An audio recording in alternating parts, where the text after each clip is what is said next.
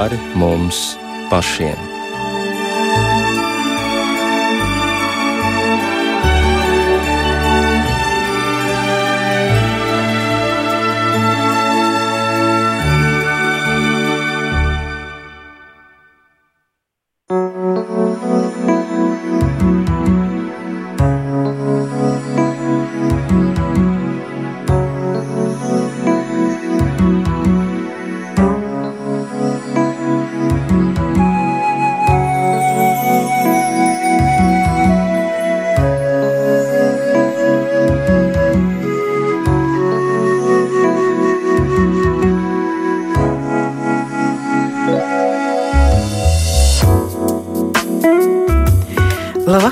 Studijā Rīta Bružēvica. Šajā stundā ēterā raidījums pāri mums pašiem. Tā skanējums Rītas Karnačs pārziņā.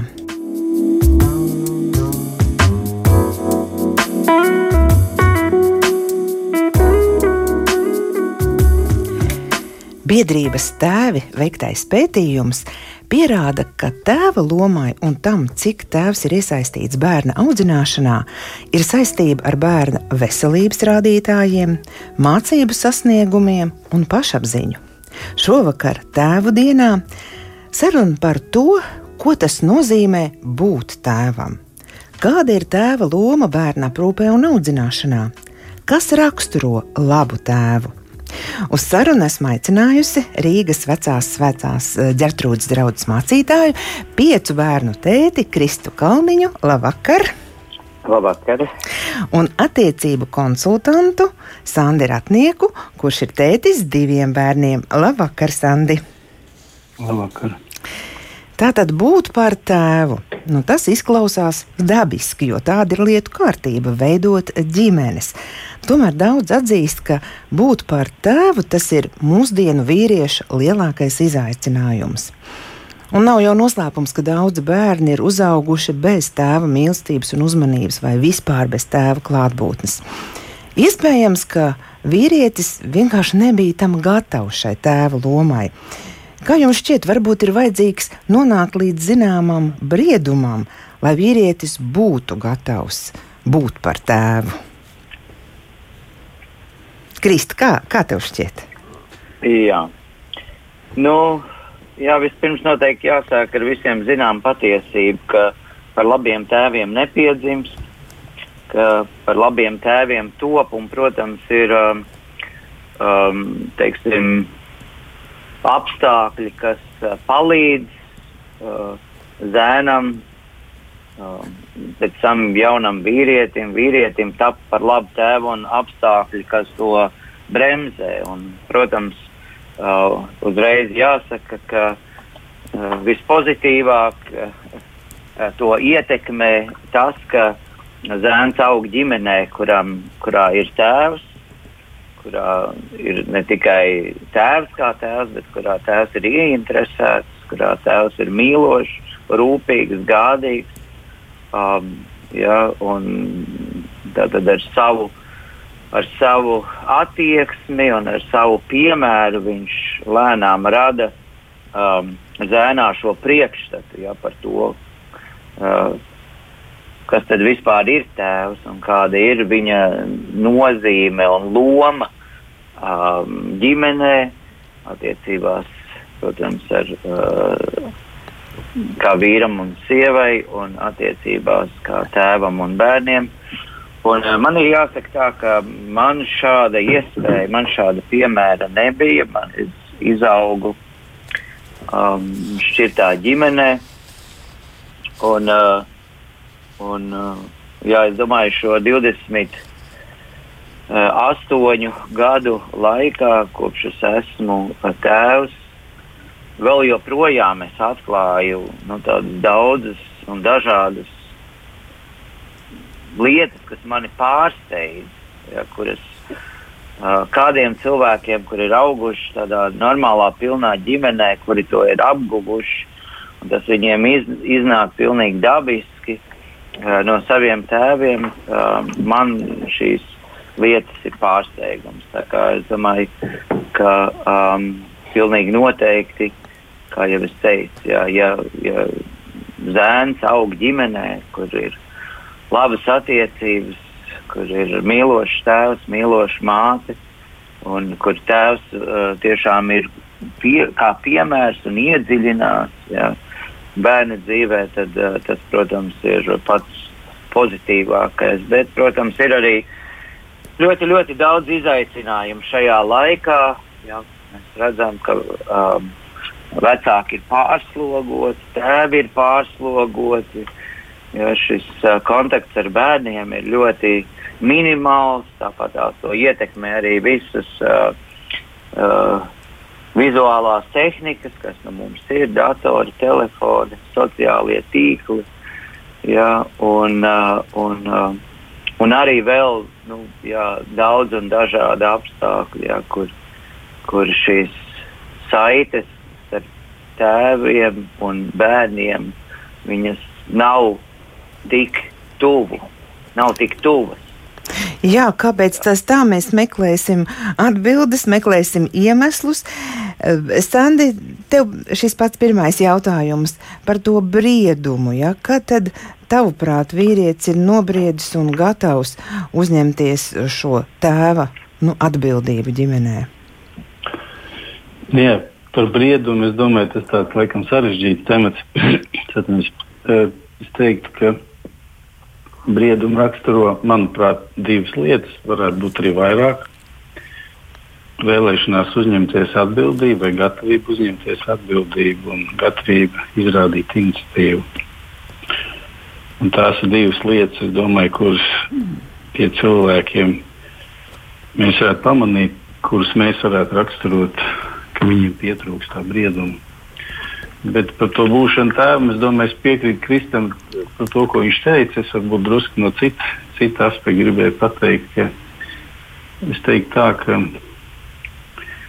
ka cilvēks tā tas laikam ir nezinu, iekārtots, vai tā tas ir.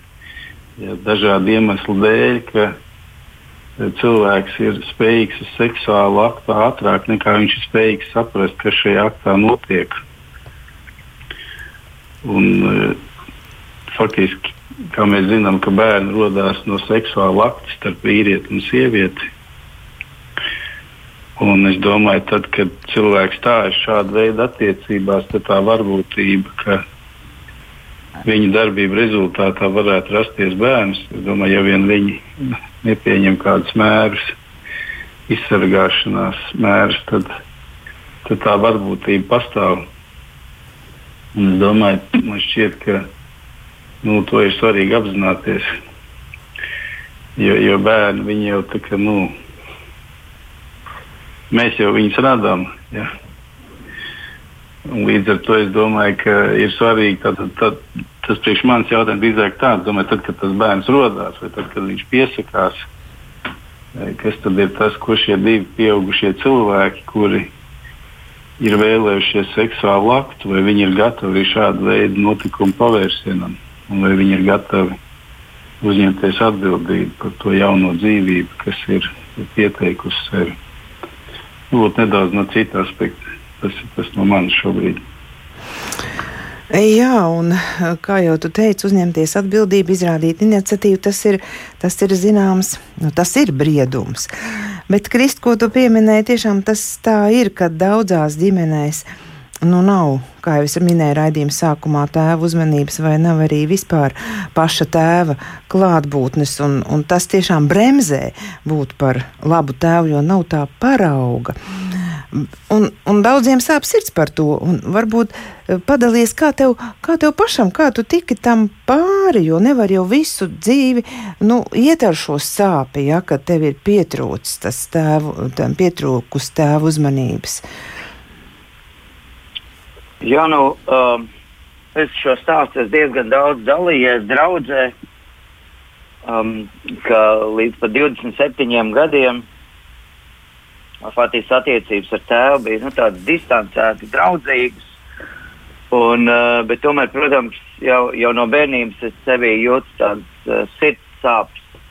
Un varbūt mēs tā, tā profesionāli to saucam par tēva atraidījumu sajūtu, uh, ar kuru es izaugu un, uh, un uh, ļoti ilgi dzīvoju. Un, faktiski um, jā, ap 20, 21 gadu sākās mans uh, kristīgās ticības ceļš.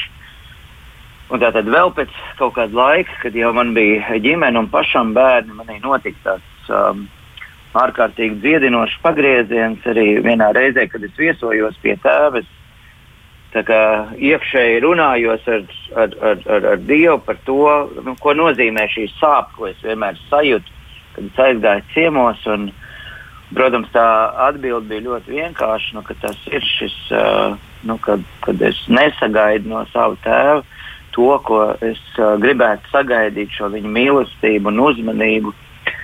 Un, uh, jā, toreiz tajā reizē uh, tas iekšējais dialogs beidzās ar to, ka es pilnībā tā atteicos un sapratu, ka iespējams, nu, ka manam tēvam jā, šādas kvalitātes vienkārši nav, uh, nav dotas, un es no viņām atteicos.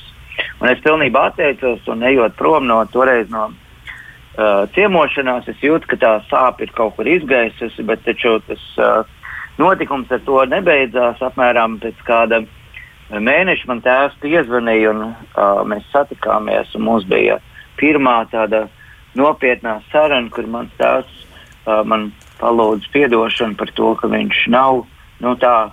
Um, viņš, protams, nu, tā materiāli rūpējās uh, par mums, bet uh, nu, tā emocionāli un garīgi un, un tādas attiecības ar viņu bērnībā un jaunībā nebija. Viņš lūdza atdošanu, un, un, uh, protams, arī tajā brīdī es biju gatavs piedot. Un, un mūsu tāda, nu, šī tēva un dēla mīlestības vieta ļoti strauji tapa. Uh, no jauna atjaunojās, piepildījās nu, nu jau, nu, jau vairāk par cik nu sanāk, jā, 20, uh, pat vairāk gadiem jau mēs, uh, mēs esam šīs saites, milzības saites, uh, uh, rūpējušies par viņām, un, un tēvs, jā, un nevienu reizi vienas es piedzīvoju tādus viņa mīlestības apliecinājums, un es arī pats esmu viņam apliecinājis arī vārdos, kas vīriešiem ļoti grūti ir, arī vārdos arī sacījis, ka, ka es viņu mīlu, un, un jā, tas tiešām bija pateicoties tam, ka manā sirdī jau bija ticība dievam, dievā es jau biju atradis to uh, mīlošā tēva pamatu identitāte. Līdz ar to jā, tas notika tādā brīnumainā, noslēpumainā veidā, bet es tiešām. Uh, Dievs man uzdāvināja tēvu, tēvu ar viņa mīlestību atpakaļ, tad, kad es jau faktiski biju no tās uh, uh, apzināti, no tā iekšēji atsacījies, domādams, ka man nekad tādas attiecības nebūs. Jā, paldies par šo stāstu, jo tas ir iedrošinājums daudziem. Jo attiecību tiltus atkal var uzcelt. Vai, ja ne atkal, tad kaut vai pirmo reizi viņus var uzcelt. Arī tad, kad jau ir nu, vairāki gadi pagājuši, ja, kopš nu, tu esi ģimenē. Ja.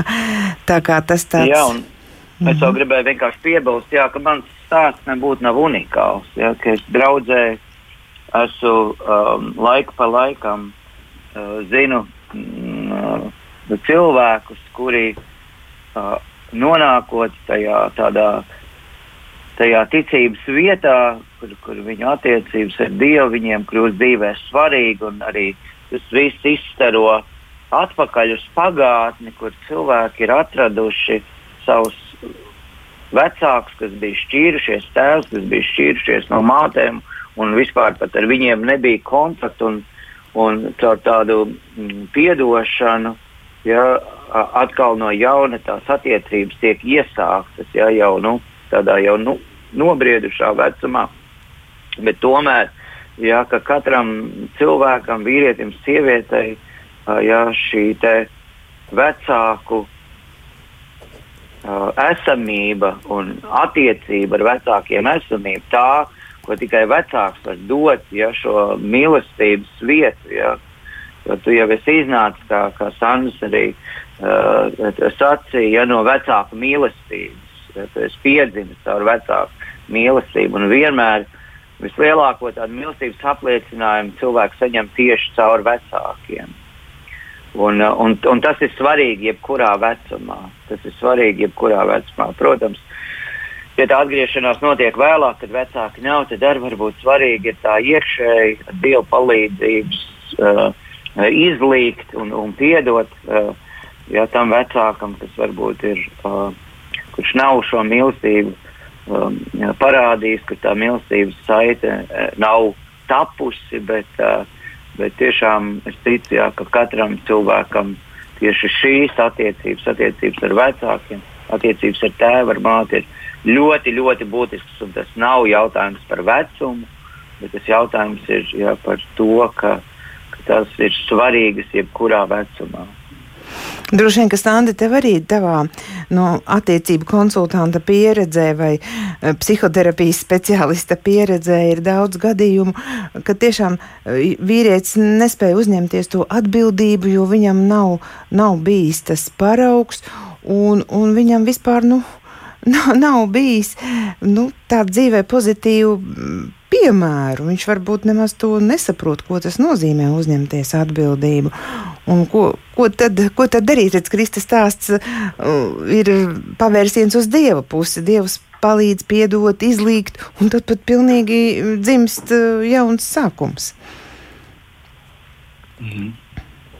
Nē, nu, es varu pat padalīties ar savu pieredzi. Domāju, nu, man, protams, ir savs at attiecības stāsts ar tēvu. Es nezinu, cik daudz to vajag eksponēt šajā brīdī, bet Es gribu teikt, ka tās lietas nu, nav, nav tik vienkāršas. Es vienkārši gribu teikt, ka, ka dzīve kādreiz daudz sarežģītāka. Un, piemēram, ir iespējams, ka tas tēvs ir bijis ļoti labs, bet uh, viņa dēls ļoti bezatbildīgs. Domāju, kā jau tas bieži vien gadās, ka teiktu, dažkārt tā vecāka mīlestība ir akla. Mēs iedodam bērniem to labāko, bet, bet viņi kaut kā to laikam kaut kā citādāk uztver vai ir pārpratuši. Bet es gribēju teikt, es domāju, kas man bieži vien ir tāda sajūta. Viena lieta, domāju, ko noteikti varbūt cilvēki zina, varbūt nezina, tad es pateikšu. Domāju, nu, principā tā, ka uh, individuālā terapija, dažādas pieejas, dažādas skolas, bet cilvēki, kas iet individuālā terapijā, principā viņi risina jautājumus, kas saistīti ar attiecībām ar tēvu un ar māti. Tas, tad šī, tas, kādā veidā šīs attiecības, e, kas ir labais vai kas varbūt nav izdevies, kā tas izstaro uz visām citām cilvēku dzīves jomām, jo tas veido tādu personības pamatu. Bet uh, man personiskā pieredze ir tāda, es, tā, nu, es domāju, dažādas stāstus esmu dzirdējis, bet uh, es ar tādu savu personisko pieeju tā, kādreiz tā dzirdu, ka cilvēks stāsta par sevi. Un, Un tā kā liekas, kaut, kaut kāda informācija pietrūkst, kaut kas īsti nelīmējās. Un, liekas, un tad bieži vien tas jautājums ir, jā, kāds ir šī cilvēka attiecības ar tēvu? Nu, tāds jautājums bieži vien ienāk man prātā. Un, un, un tajā brīdī, kad šis jautājums ienāk manā prātā, tad parasti es nekļūdos. jā. ja. Ja, tad, tad, tiešām es domāju, tad, kad cilvēks to domāju, tie ir tādi jūtīgi temati un, un domāju, terapijā e, ļoti svarīgs princips, ka cilvēks runā par tiem jautājumiem, par kuriem viņš ir gatavs runāt. Bet es domāju, ka šie bieži vien ir tādi sāpīgi temati daudziem no mums. Bet tā kā Kristus teica, es domāju, es raugos arī uz kristīgo ticību kā uz resursu. Jo es teiktu, varbūt ko cits teiks. Es domāju, ka ticībā, kristietībā ir īpaši e, attiecības ar Dievu, e, ir arī attiecības ar Dievu kā tēvu. E, un šīs attiecības, domāju, bieži vien tieši tā tēva mīlestība un uzmanība mums ir pietrūkusi. Un, un attiecībās ar debesu tēvu cilvēki var izdzīvot dažādas iekšējas konfliktus, kas no viņas nomok un arī piedzīvot dziedināšanu tieši caur šīm attiecībām. Bet tā kā Kristis izstāstīja, viņš gan teica tādu lietoju vārdu, nu, ka tas nav unikāli. Es teiktu, Kristis, piedod, es tev nepiekrītu. Es teiktu, ka tas ir unikāli, ka tas, teiktu, ka tas ir brīnums. ja vīrietis, ja vīrietis spēja pēc saviem, nezinu, 20, 30 gadiem pateikt savam bērnam, zini, man ir žēl, ka es tevi esmu sāpinājis un es neesmu bijis labs tēvs. Un, un priekš manis tas ir brīnums. Ja, un, un tad, ja bērni savukārt varbūt uh, spēja kaut kā pacelties pāri tam aizvainojumam un dusmām, kas viņos ir, jau pieauguši cilvēki, vīrieši, sievietes. Un, ja viņiem, viņi meklē to ceļu pie sava tēva vai pie mātes un ir gatavi kaut kādas sarežģītas temats risināt, nu, arī to es saredzu kā brīnumu un ļoti lielu uzdrošināšanos. Tā, tā, es domāju, ka kaut kādā ziņā tas nav unikāli, tāpēc, ka nav jau tā, ka tikai ar vienu cilvēku pasaulē tas notiek, bet kaut kādā ziņā tas ir unikāli, jo es domāju, tas prasa no cilvēka kaut kādu tādu iekšēju lielu piepūli un uzdrošināšanos nu, un, un, un lūgt atdošanu, atzīt savu vainu. Tas, tas ir tas, kas spēj dziedināt attiecības brīnumainā veidā, bet arī neizprotamā dievišķā veidā. Mm. Jā, paldies, Sandī. Jā, es, uh, nu, jā, es arī tieši tādā veidā to domāju, ka tas nav unikāls. Nu, tādā veidā, ka tas nav noticis tikai ar mani, kad ir cilvēki, ja, kur ir līdzīgā veidā uh, piedzīvojuši tādu attiecību atjaunošanu jau pieaugušā vecumā, bet uh, es arī pilnīgā, pilnībā piekrītu, jo arī man tas ir bijis vienmēr, un es to arī apzinos, jā, ka tas ir tāds noslēpumā, Dieva noslēpumā inicijēts Dieva brīnums, jo, protams, es tā ļoti nu, uh, šauri to uh, notikumu izstāstīju, bet tur ir daudz kaut kas tāds, kas, kas jā, šo notikumu no abām pusēm, gan no manas tēta, gan no gan tajā, kas ar mani notika, kas, uh, kur parādās kaut kāda nu, tāda, jā, tāda brīnuma klātbūtne. Kā tas tā varēja notikt? Jā. Tieši tad, kad man bija, tad, kad es tādā iekšējā sirdī jau biju atsacījies no vispār tādas iespējas, ka man reiz būs tāda mīlestība pagāja mēnesis, un, un kaut kādā mistiskā veidā Dievs bija uzrunājis tēta sirdi, un ka viņš nāca. Un, un tikai varbūt tāpēc, ka es biju jau kā, piedevis un atlaidis, un pilnīgi pat negaidīju, es spēju atkal šo, šajā, šajā mīlestībā vai šajā sākumā atgriezties ar pilnīgi tīru sajūtu. Ja? Bez sāpēm, kā teicu, bez dusmām, bez aizvainojuma. Ja? Un toreiz es domāju, nu, jā, ka dievam vajadzēja vispirms to manu piedošanu, to manu atsacīšanos, kas ir pilnīgi no nu, tāda nu, pasaulē, domājot, nenormāli. Ja, jo mums jau bērniem, mums pašiem par sevi liekas, ka mums ir tiesības. Mums, tā ir tā mūsu vecāku dāvātā privilēģija, ka mēs esam viņiem tapuši un mums ir tiesības uz viņu mīlestības. Bet, uh, Kaut kādā brīdī, kad Dievs kaut kā spēja parādīt un iedot to sajūtu, ka ka pat šajā vietā ja, es varu no tā atteikties, lai nenes tālāk tās sāpes un ciešanas, ko tēva nu, šis atraidījuma ievainojums bija tik daudz gadus manī uh, darījis. Jā, tiešām tāpēc tas ir brīnumu divs, jo tikai, manuprāt, viņš var šo tukšumu, šo atraidīšanu. Uh, vienīgais aizpildīt. Tur man liekas, nepalīdz ne, nekādi vārdi, neka, ne, piedod zandi, nekāda terapija. Es nezinu. Man šķiet, ka pa īstam tikai tādu, um, tādu brūci, ja, kas sāp, jo tāpēc, ka tēvs nav vai ir atraidījis, var tikai Dievs aizpildīt. Jā. Es negribu teikt, apšaubīt, gribu teikt vienkārši, ka tie ir risinājumi, kuri, kuri dažādos līmeņos no, nu jā. notiek. Es domāju, ka Mm -hmm. Protams, tad jau, tad jau varētu arī celt to tematu arī par terapijas nozīmīgumu, jeb liederīgumu. Protams, ka, protams, protams tam nē, nē, es neapšaubu. Ne, man es tik... nevajag nekādā mm. veidā, tik, kaut kādā veidā mierināt. nē, es negribu. Es domāju, ļoti svarīgi, ka mēs mm -hmm. Apzināmies arī tās robežas. Ja jūs domājat, ka arī, es domāju, arī es teiktu, ka medicīna arī ir kad doktoriem un, un, un ārstiem ir milzīgas zināšanas, pateicoties mūsdienu zinātnīs attīstībai, un prasmes un, un tehnoloģijas, un kas tik vēl. Mm -hmm. Bet nu, mēs apzināmies to, ka ik pa brīdim ir tādas situācijas, domāju, kurās noteikti Dievs mums atgādina, mm -hmm. kas mēs esam, nu, ka mēs esam cilvēki un ka mūsu pūlēm ir kaut kādi ierobežojumi. Tieši tā. Tādēļ es to tā tīri veselīgi raugos uz to. Jā. Es gribēju teikt, domāju, kas man šķiet tajā, ko Kristus teica, es saredzēju gan tādu, gan tādu garīgu principu, es domāju, jo tas, kā, kā es esmu tā kā es saprotu, domāju, Bībeles patiesību, domāju, šis ļoti svarīgs princips par to, ka uh, viņš ir ziņā, paradoxāls. Ja, kad Jēzus saka saviem sekotājiem, vai vispār saka, kas, kas atsakās no savas dzīvības, tas viņu atradīs.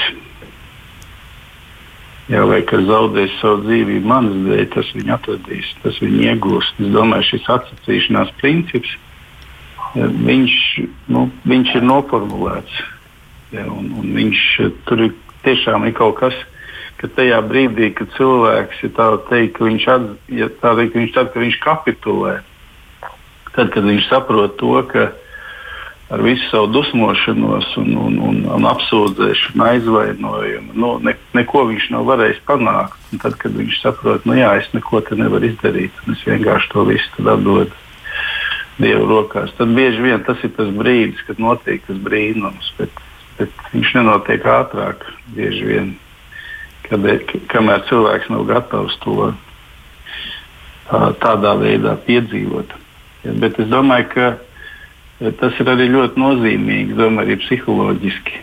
Tie ir tādi, manuprāt, ļoti universāli mehānismi, kuri, kuri ir aprakstīti gan Bībelē, gan arī psiholoģijā. Mēs viņus redzam, ka viņi darbojas, ka, ka kaut kādas lietas, kaut kādas lietas nu, viņas var sākties tajā brīdī, kad mēs saprotam, ka kaut kas vienkārši nav iespējams un mūsu pūles to nav. Nu, mēs tur neko nevaram izdarīt. Un, Man šķiet, tas arī tā nozīmīgi, tā kā Kristus to stāstīja par to, ka par tām emocijām, kuras cilvēks piedzīvo tajā brīdī, kad viņš saņem atraidījumu. Varbūt dzīvo atraidījumā, tad ja tas turpinās tā daudz gadu garumā, ka tur ir aizvainojums un dusmas. Un, protams, ka cilvēks redz pasauli caur šo aizvainojumu, dusmu prizmu, un tad viņam ir grūti kaut kādas lietas mainīt. Un es pat teiktu, Iespējams, varbūt arī pat tajā gadījumā, ja tas tēvs vai māte, ņemsim drusku plašāk, nu, ja viņi cenšas kaut ko darīt, lai to savu kaut kādu jaunības kļūdu vai nezināšanu, nemācīšanu izlabotu.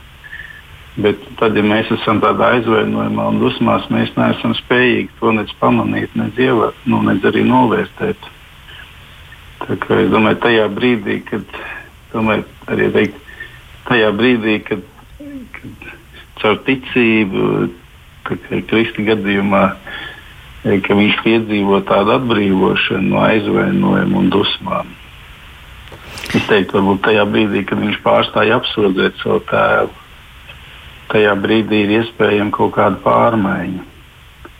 Mhm. Bet nu, tas brīdis, uz kuru viņš ir gājis, ja, tas jau ir tā, kā viņš sacīja, tas jau nenotiek vienā dienā, tie ir daudzi gadi daudz gadu iekšēja cīņa, kur ir, ir brīnumainā kārtā nesusi pārsteidzošu rezultātu.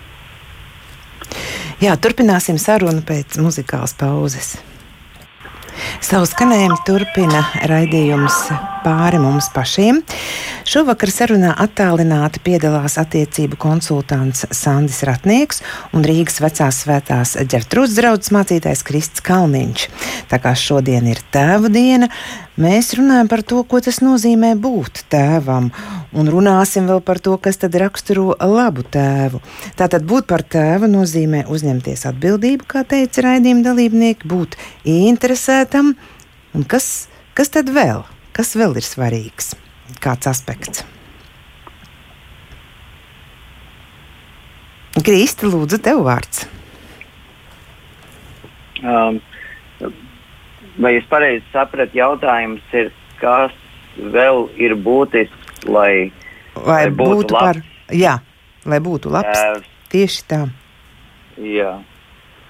Nu, um, jā, es domāju, tur ir daudz dažādas uh, lietas, jā, kas uh, vīrieti padara par labu tēvu. Un, uh, Pirmkārt, protams, tās ir tādas uh, iekšējās, iekšējās sirds kvalitātes un izpratne, kurā, uh, kurā tu apzinājies savu bērnu vajadzības attiecībā no vecuma posmiem, uh, kurā, uh, kuros bērni ir, uh, kuros esi gatavs veltīt savu laiku, veidot ar bērniem, saviem bērniem attiecības.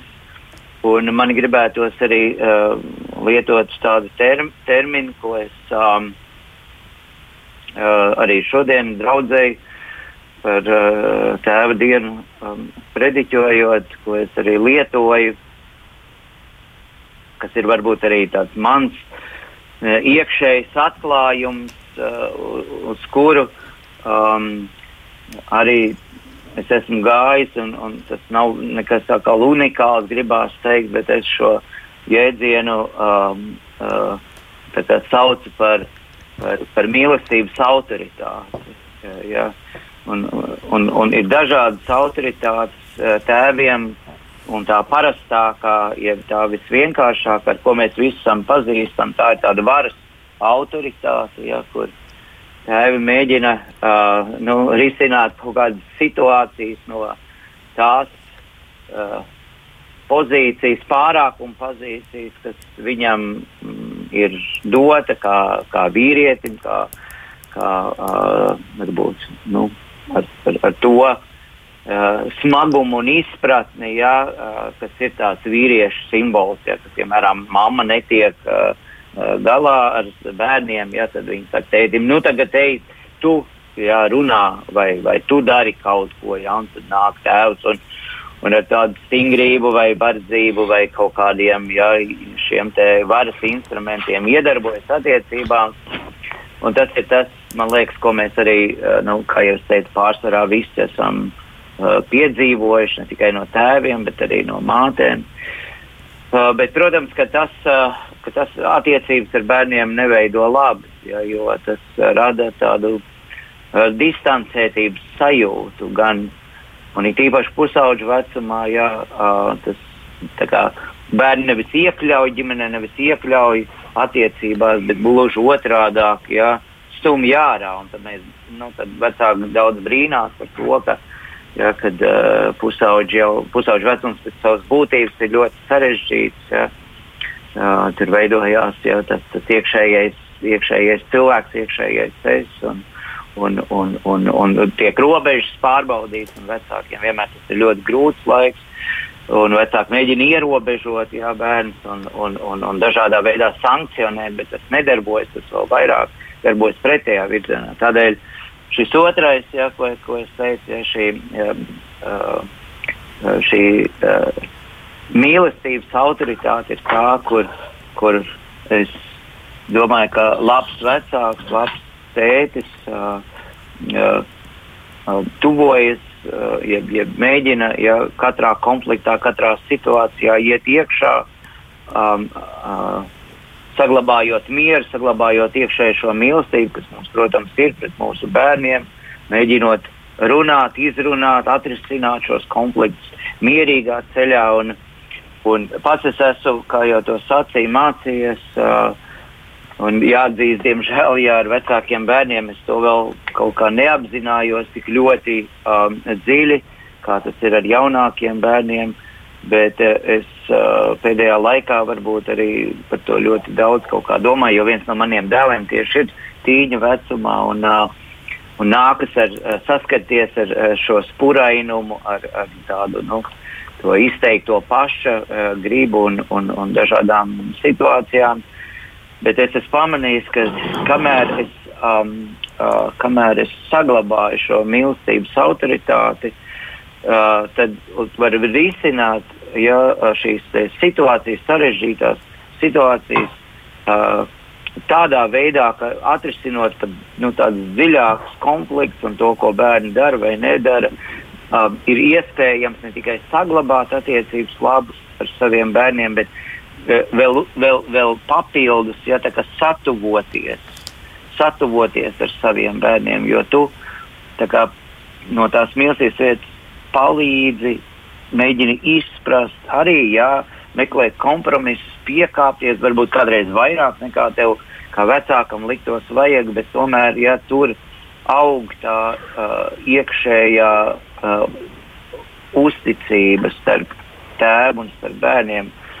Un, uh, nu, tās ir tikai ja šīs sirds kvalitātes, protams, raksturs, miers, kaut kāds arī tava tā tēva dzīve, uh, uh, dzīves tāda, um, uztvere, veids, kā tu pats dzīvo, kas ir tavas vērtības, ar kurām tu sevi strukturē, ja, un, un, un kā tās palīdz attiekties tev uh, pret bērniem tādā mīlošā, veselīgā veidā.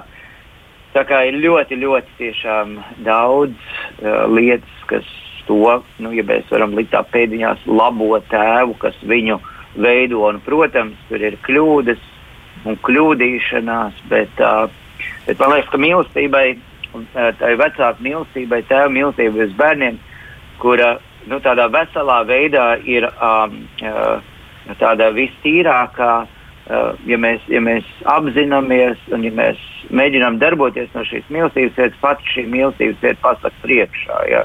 Kā ar kuru bērnu, kurā brīdī um, ir uh, jārīkojās, jāizturās, Uh, un, uh, un, un, uh, jā, un, protams, jā, protams jā, nenoliedzami, um, kā es arī šodien uh, draudzēju sacīju, ka viens no attiecību, labu attiecību pamatām, pamatiem bez vēl šī, ko es sacīju, jā, kas ir tāda vairāk iekšēja personība jautājumi uh, vīrietim, ir arī uh, laiks, ko tu velti kvalitatīvi ja, savām attiecībām ar bērniem, jo arī ar bērniem attiecības, lai viņas būtu labas, ir jāveido. Viņas neveidojās vienkārši tāpat tādēļ, ka viņi turpat kaut kur mums ir un mēs nodrošinām kaut kādas viņa tās vispārējās vajadzības.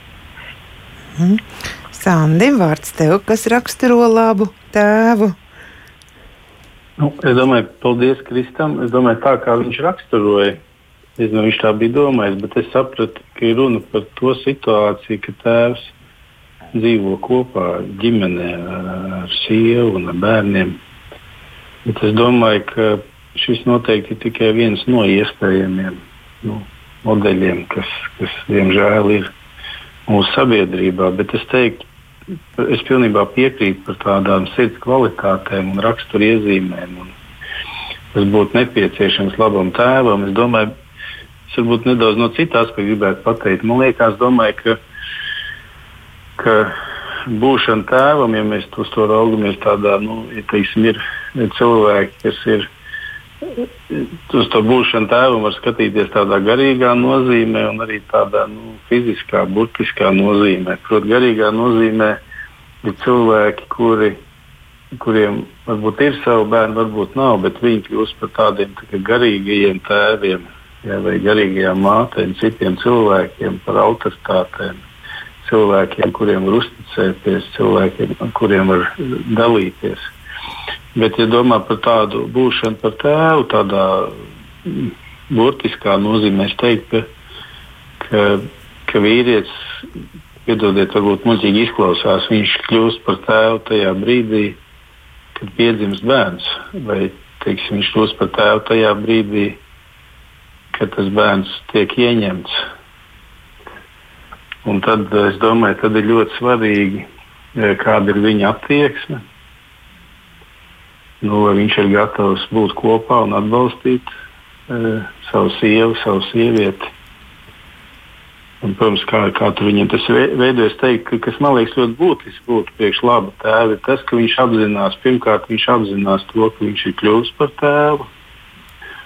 Un ka tas, ka viņš ir kļuvis par tēvu, nozīmē zināmu atbildību, ir liela atbildība, pat arī tad, ja viņš neko netaisās darīt. Bet labs tēvs, es domāju, ir tāds vīrietis, kurš vēlās apzināt šo atbildību, un viņš vēlās būt par daļu no bērna dzīves. Un ka viņš vēlās veidot attiecības ar savu bērnu. Un šī viņa izvēle, viņa spēja, domāju, ļoti būtiski ietekmēt bērnu likteni. Pat arī tajā gadījumā, ja dažādu iemeslu dēļ tas tēvs nedzīvo kopā ar saviem bioloģiskajiem bērniem. Es domāju, tik un tā man ir tāda pārliecība par to, ka, ka primāri attiecības, eh, vecāku un bērnu attiecības, primāri atbildība gūstās uz vecākiem.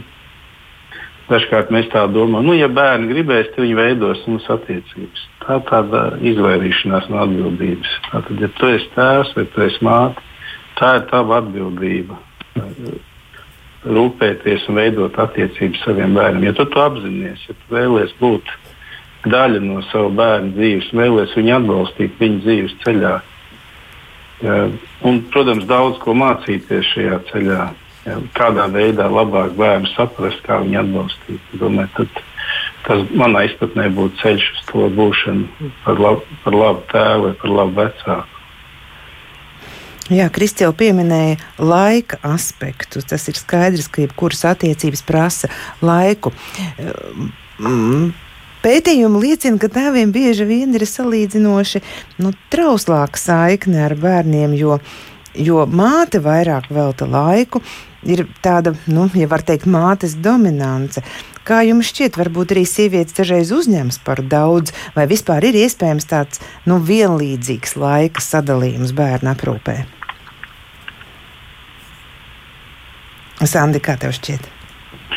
Nē, nu, es teiktu, domāju, es, eh, es laikam neesmu tāds ideālists. Es kādreiz esmu dzirdējis tādu, kad ir cilvēki, kas tā ieiet tā pieeja, tāda 50-50, 50 uz 50. Ja tagad es stundu pavadu bērnu, tad tu stundu bērnu, bet nu, mēs skatāmies viens otram virsū, lai kādam nebūs tur kaut kas vairāk vai mazāk. Bet es teiktu, ka tas, kas ir pilnīgi skaidrs, ka ka bērniem vajag tēvu un mātes, vīriešu un sievietes uzmanību. Un es domāju, protams, ideālā gadījumā tie ir vecāki. Ja. Kaut ko to var kompensēt, varbūt kāda cita cilvēka arī daļēji, ja, bet es nespēju, es domāju, iedot to, kas nepieciešams tieši personības uh, pamata veidošanai. Uh, bet, uh, jā, bet es domāju, ka, ka tas laiks, ka tas laiks ir atšķirīgs un tā mīlestība teiksim, mātes un tēva mīlestība ir nedaudz atšķirīga. Es domāju, ka ir, ir kaut kādas funkcijas, kuras pārklājās, un ir labi, ka vīrieši arī iesaistās savu bērnu aprūpē, un ka tas nav tikai tāds sieviešu lauks. Bet man tāda sajūta, es par to savu pieredzi varētu teikt, man šķiet, ka, ka tur tas prasa arī tādu lielu, manā izpratnē, piedodiet, arī lielu tādu izpratni no sievietes puses. Jo ja dažkārt tā, man sugdījies viedoklis, ka dažkārt sievietes viņas tos bērnus privatizē. Un kaut kādā ziņā, protams, ir skaidrs, ka mātes saikne ar bērnu ir citādāka nekā tēva saikne. Jo māte šo bērnu ir piedzemdējusi, un savā ziņā šis bērns ir, ja tā var teikt, viņas ķermeņa turpinājums. Līdz ar to šī fiziskā jeb asins saikne ir sievietei citādāk ar bērnu nekā vīrietim. Bet es teiktu, eh, gudras sievietes, manuprāt, viņas, viņas saprot to, ka būs neiespējami izaudzināt bērnu vienai pašai. Es domāju, tas, kas ir pilnīgi noteikti, ir gandrīz vai neiespējams, ne, nesaku neiespējams, gandrīz neiespējams sievietei vienai pašai izaudzināt dēlu lai viņam piemist tās e, raksturiezīmes, kas nepieciešamas vīrietim. Tas teikt, ka gudra sieviete ir tā, kas tā, ka, iesaist vīrieti. Es teiktu, ka man bija ļoti palīdzoši tas, ka man sieva teica, tagad tu dari šitā, te, tagad tev jādara tas. Jo tad kaut kādā brīdī tev rodas pašam sava izpratne, bet pašā sākuma posmā tās izpratnes jāsaka nav. Ja nu vienīgi las, mēģinām lasīt grāmatas, ko darīt jauniem vecākiem. Tik daudz no manis. Uh mhm. -huh. Kristi, ir kas piebilstams? Par sievieti. Jā, nu, tas dominē. Pavisam, ī, pavisam uh mhm. -huh. īsi, jā, es domāju, nu, tas jau ir ļoti interesanti, ka dažādās tautās un dažādos laikmetos ir bijuši tādi interesanti iniciācijas uh, posmi, uh, kuros, uh, kuros faktiski uh, zēni no mātēm tika nošķirti, jeb arī nu, ievesti tajā vīriešu pasaulē. Un, protams, ka bērns piedzimst, zēns piedzimst mātei. Un, Un viss šis laiks, uh, zīdīšanas laiks un augšanas, protams, ka tā ir tāda ja, arī atdalīšanās ja, no tā, tā uh, cilvēka, ja, kur, car, kurā viņš ir ieņemts, no kā viņš ir piedzimis, tā ir māte. Ja, bet, uh, bet uh, nu, tur ir ļoti interesanti. Protams, domāju, varbūt Sandrs pat uh, zina vairāk uh, par to, bet uh, ka jā, dažādās tautās jā, ir šie te, uh, uh, brīži, uh, vecuma posmi, ja, kuros uh, zēns tiek uh, izvests ārā, nu, ja mēs varam teikt, pēdiņās no mātes pasaules, ja, un ievests tēva pasaulē, un tur tad, ja, viņš tad, ja, lēnām top par, par, par vīrieti, tā kā uh, Sandrs sacīja, protams, jā, tā, tā, tās arī ir tādas uh, unikālas lietas, kas varbūt ir šajā laikmetā daudz vairāk, ja tas sievietes viens pašs audzina tos bērnus dažādu iemeslu dēļ. Bet, uh, protams, ka mums kā vīriešiem ir nepieciešama vīrieši, tēvi, kā paraugi, kam mēs līdzamies, no kuriem mēs attīstam savu izpratni jā, par attieksmi jā, pret sevi, pret apkārtējiem, pret sievieti. Jā, un, protams, meitenēm ir nepieciešama māte, ja, no kuras viņai veidojas priekšstats. Ja, ja šie priekšstati nu, mūsu ja, ja tuvumā nav, ja, ja mūsu tuvumā nav tēvs un māte, tad, Sants arī jau minēja, varbūt ja, tā tā, um, ģimene, kur ir ne, nepilna, ja, tad, protams, tur var notikt dažādas nu, teiksim, deformācijas vai, vai rasties kaut kādi ievainojumi, ja, ar kuriem tad vēlāk cilvēkam pieaugot un sākot apzinoties, ja, ir, ir jāstrādā. Un, un atgriežoties jā, pie jautājuma par terapiju, es domāju, terapija ir milzīga nozīme, jo faktiski bez terapijas, jeb šajā nozīmē tāda apzināšanās savas problemātikas, savu ievainojumu apzināšanās un izpratnes. Ja. Es domāju, mēs pie tāda brīnuma kā dziedināšanas arī tādā kristīgā izpratnē nemaz nevaram nonākt. Paldies par sarunu. Tātad, ko nozīmē būt par tēvu, mēs domājam šajā stundā. Katrs jūs paņēmāt priekš sevis kaut ko klausītāju, bet pāri visam divi aspekti Tas nozīmē vēlēšanās būt par daļu no bērna dzīves un audzināšanā izmantot mīlestības autoritāti. Es saku sirsnīgi paldies raidījuma dalībniekiem, Rīgas vecās svētās ģertrūdas draudzes mācītājam Kristam Kalniņam un attiecību konsultantam Sandim Ratniekam. Par skanējumu rūpējās Rita Karnača, raidījumu vadīja Rinte Bružēvica ar labvakaru!